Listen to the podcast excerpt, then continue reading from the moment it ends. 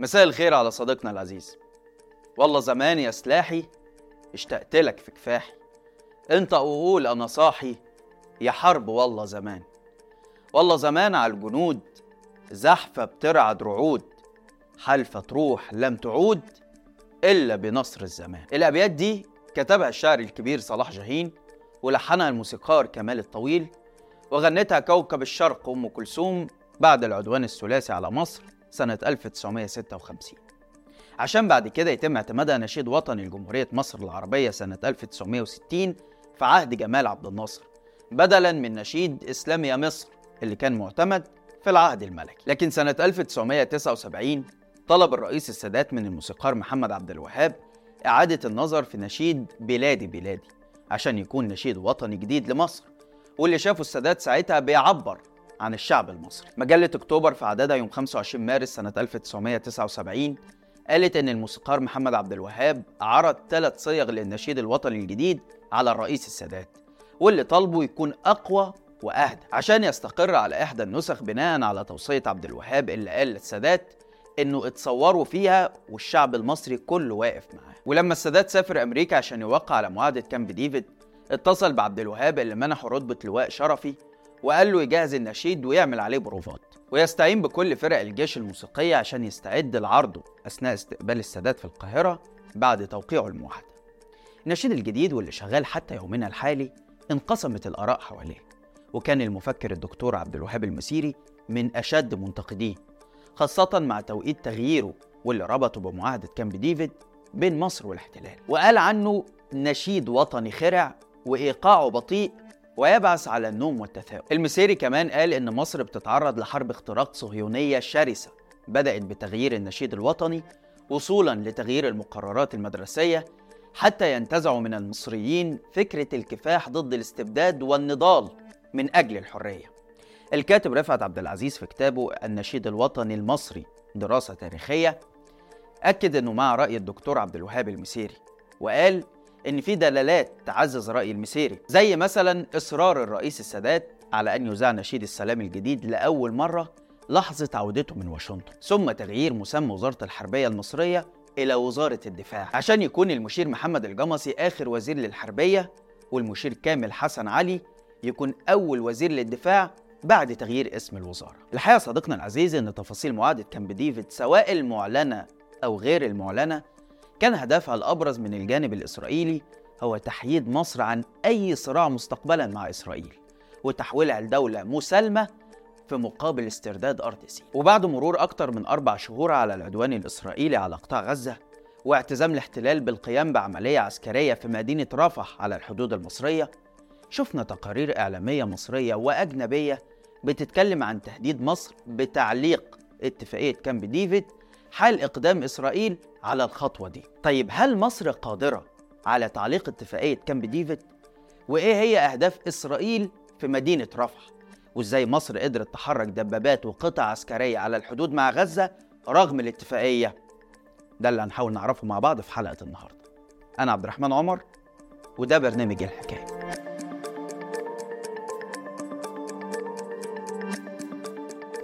أهلا بيكم يوم 11 فبراير اللي فات وكالة أسوشيتد بريس الأمريكية نقلت عن مسؤولين مصريين إن مصر ممكن تعلق معاهدة السلام مع إسرائيل في حال إقدامها على اجتياح مدينة رفح جنوب قطاع غزة على الحدود مع مصر. لكن بعدها بيوم واحد بس وزير الخارجية المصري سامح شكري خرج وقال إن مصر ملتزمة بالاتفاقية واستبعد وجود أي تعليقات تم الإدلاء بها حول الموضوع ده وقال إن التصريحات ممكن تكون اتشوه الخلافات اللي بين النظام المصري والاحتلال عبرت عنها تقارير إعلامية إسرائيلية لما قالت إن السيسي رفض تلقي مكالمة هاتفية من رئيس وزراء الاحتلال نتنياهو في ظل خلاف بين الجانبين حول الهجوم الإسرائيلي المرتقب على رفح طيب بغض النظر عن صحة التقارير من عدمها هل مصر قادرة فعلا على تعليق المعاهدة؟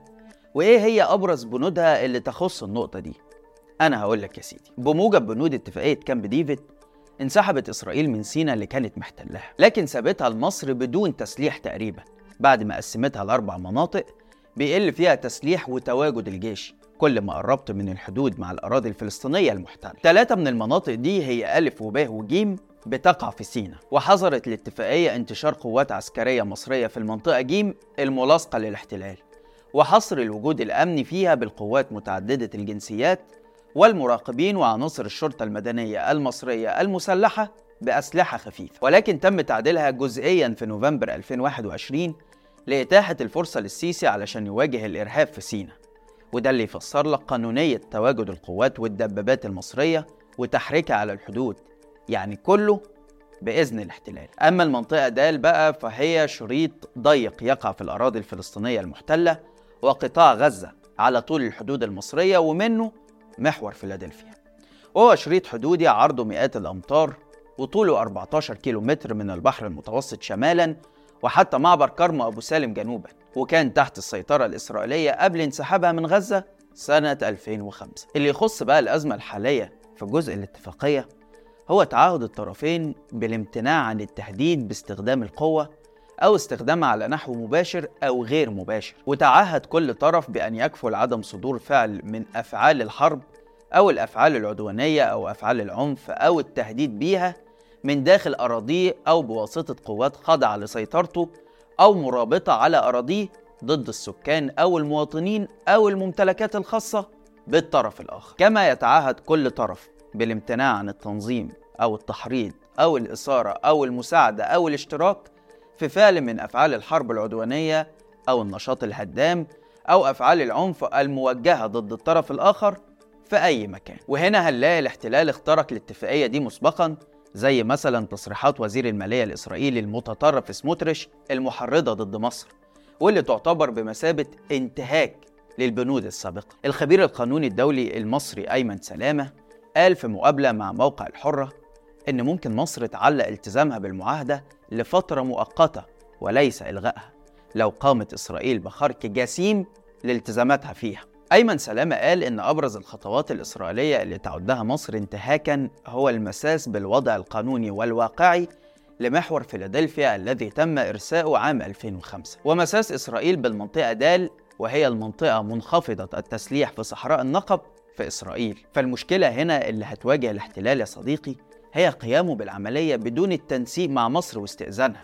لكن طبعا في وجود نظام السيسي أعتقد ده صعب إن لم يكن مستحيل. هتقول لي الله أمال السيسي والنظام متضايقين من الخطوة دي ليه؟ أنا هقول لك يا سيدي. المشكلة اللي بتواجه السيسي هنا هي إن المنطقة الحدودية اللي بين غزة ومصر متكدس فيها أكتر من مليون وتلتمائة ألف فلسطيني نزحوا من الحرب. وفي حال قيام إسرائيل بعملية داخل رفح ففي الحالة دي الناس دي قدامها خيارين. يا إما يموتوا يا إما ينزحوا لسينا. وده اللي رفضته مصر ومعظم الدول العربية وقبلهم الفلسطينيين نفسهم. حال إقدام قوات الاحتلال على اجتياح مدينة رفح بريا؟ فده هيسبب مجزرة لا يمكن أن نتخيلها بسبب عدد النازحين الكبير زي ما قلنا. وده اللي حذرت منه الولايات المتحدة نفسها اللي تعتبر أكبر حلفاء الاحتلال وحذرت منه برضه أكتر من جهة حقوقية دولية. مدينة رفح تعتبر من أهم المدن في قطاع غزة وأكبرها. مساحتها تبلغ 55 كيلو متر ويقع بداخلها أهم معبر حدودي بين مصر وغزة واللي متسمي على اسم المدينة. وخلال السنين اللي فاتت ومنذ عهد مبارك انتشرت مئات الأنفاق بين مصر وقطاع غزة اللي كانت تعتبر بمثابة شريان حياة لأهالي القطاع. ورغم حجم المدينة الكبير إلا أنها بتعاني على المستوى الصحي في الفترة الأخيرة. ومفيش فيها إلا عدد قليل جدا من المستشفيات زي مستشفى رفح المركزي ومستشفى الكويت التخصصي ومستشفى الشهيد أبو يوسف النجار وطبعا بتعاني كلها حاليا من نقص الإمدادات الطبية وغياب الكهرباء ومصادر الطاقة. طيب ليه الاحتلال الإسرائيلي مصمم على القيام باجتياح مدينة رفح الفلسطينية رغم إنه بيقصفها من أول أيام الحرب؟ أول حاجة الاحتلال بيستهدفها من الاجتياح ده هو محاولته لتهجير الفلسطينيين لسينا وهو المقترح اللي كان بيطرحه منذ أول أيام عدوانه على غزة. كمان الاحتلال الإسرائيلي لا يتورع عن استهداف المدنيين الأبرياء اللي قتل منهم منذ بداية الحرب قرابة الثلاثين ألف شهيد معظمهم من النساء والأطفال في عملية تطهير عرقي بيمارسها الاحتلال ضد أهلنا في قطاع غزة. كمان من ضمن أهدافه استهداف دوريات الشرطة التابعة لحماس والمكلفة بتأمين وصول المساعدات الإنسانية داخل القطاع.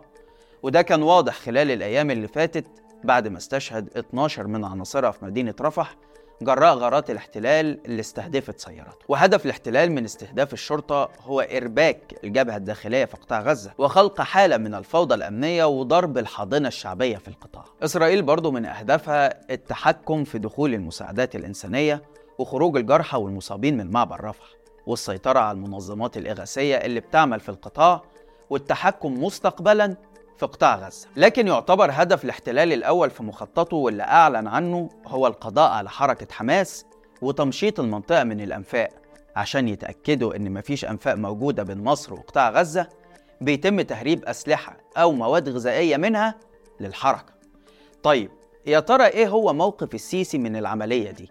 وهل هيقبل بانتهاك الاحتلال للاتفاقية ولا هيرفض؟ الحقيقة صديقي إن السيسي ما عندوش مانع هو بنفسه يحارب حماس ويقضي عليها لو طال. وكلنا شفنا اقتراحاته للصهاينة للقضاء على المقاومة واتكلمنا عنها في الحلقة اللي فاتت. مش كده وبس. السيسي كمان لو عليه ما عندوش مشكلة يهجر أهل غزة لسينا ويقبض الثمن وأبدى مباركته بصفقة القرن في عهد الرئيس الأمريكي السابق ترامب. ضيف على كده كمان إن السيسي بيعتبر إن الاحتلال الإسرائيلي مشيله جميلة بسبب تعديل اتفاقية كامب ديفيد سنة 2021 اللي سمحت له بإدخال قوات ودبابات إضافية لسينا عشان يحارب الإرهاب. بقوات عملنا الإجراءات المطلوبة مع آه، الإسرائيليين في الوقت دوت. الحقيقة عشان ده بسجله للتاريخ يعني إن هم كانوا متفاهمين ده وما كانوش يعني الحقيقة كانوا قالوا يعني بس ادونا خبر القوات اللي هتبقى موجودة قد إيه ونسقوا معانا يعني. واستمرينا من الوقت دوت لغاية يمكن لغاية دلوقتي. كان اللي معطل السيسي ومخلي موقف نظامه الرسمي هو الرفض. هي الخلافات اللي موجودة داخل قيادات الجيش اللي مش قابلة يحصل أي انتهاك للحدود المصرية وده اللي كشفته تقارير صحفية. ومش هننسى طبعا السيسي في أول أيام الحرب لما تفقد الفرقة الرابعة المدرعة لما عمل خطاب تهدئة للجيش عشان ما تاخدهمش الحماسة ويطالبوا بأي رد فعل ضد إسرائيل على غير هوى النظام. اوعى أو انتبه إن أوهام القوة تدفعك إنك تاخد قرار وتعمل إجراء تقول بعد كده إن أنا ما كنتش دارس كويس. إن مصر ابدا عبر تاريخها القديم والحديث ما كانتش ابدا بتتجاوز حدودها. يعني كان دايما كل أهدافها إن هي تحافظ على أرضها وترابها دون أن تمس. وكلامي هنا لينا كلنا للعسكريين والمدنيين. مهم قوي مهم قوي إن إنك أنت وأنت ممتلك وأنت بتمتلك القوة وبتمتلك القدرة إنك أنت تكون بتستخدمها بتعقل وبرشد وبحكمة. السيسي صديقي العزيز لو كان عايز يبدي اعتراضه على الانتهاكات الإسرائيلية على الحدود المصرية أو على المجازر اللي بيرتكبها بحق أهلنا في غزة كان عنده أساليب تانية كتير ومش جديدة والرؤساء اللي قبله استخدموها. ومش هقول لك تعليق اتفاقية كامب ديفيد ولا التهديد بالتدخل العسكري لأن محدش طلب منه ده أصلا. لكن كان ممكن على الأقل يطرد السفير الإسرائيلي بالقاهرة ويسحب السفير المصري من تل أبيب. كمان كان فتح جسر على مدار 24 ساعة لإدخال المساعدات الطبية والغذائية لأهلنا في غزة. زي ما حصل أيام مرسى الله يرحمه وما تحججش بالاحتلال الإسرائيلي وإنه بيهدد بضرب المساعدات. أو أضعف الإيمان خالص كان أي دعوة جنوب أفريقيا اللي رفعتها ضد الاحتلال الإسرائيلي في محكمة العدل الدولية بهولندا وغيرها كتير من الإجراءات اللي خدتها مصر قبل كده سواء في عهد مرسي أو حتى في عهد مبارك. في النهاية بنتمنى لأهلنا في غزة كل السلامة ونتمنى من الله أنه يثبتهم ويلهمهم الصبر والصمود في وجه الاحتلال الإسرائيلي وإن شاء الله النصر هيأتي عاجلا أم آجلا. بس كده لحد هنا والحلقة خلصت. شارك الحلقة لو عجبتك وتابع حساب شباك وحسابي على الانستجرام هتلاقي اللينك في الوصف. واستنانا كل يوم اتنين وجمعة الساعة 7 بالليل بتوقيت القاهرة في حلقة جديدة من برنامج إيه الحكاية. سلام.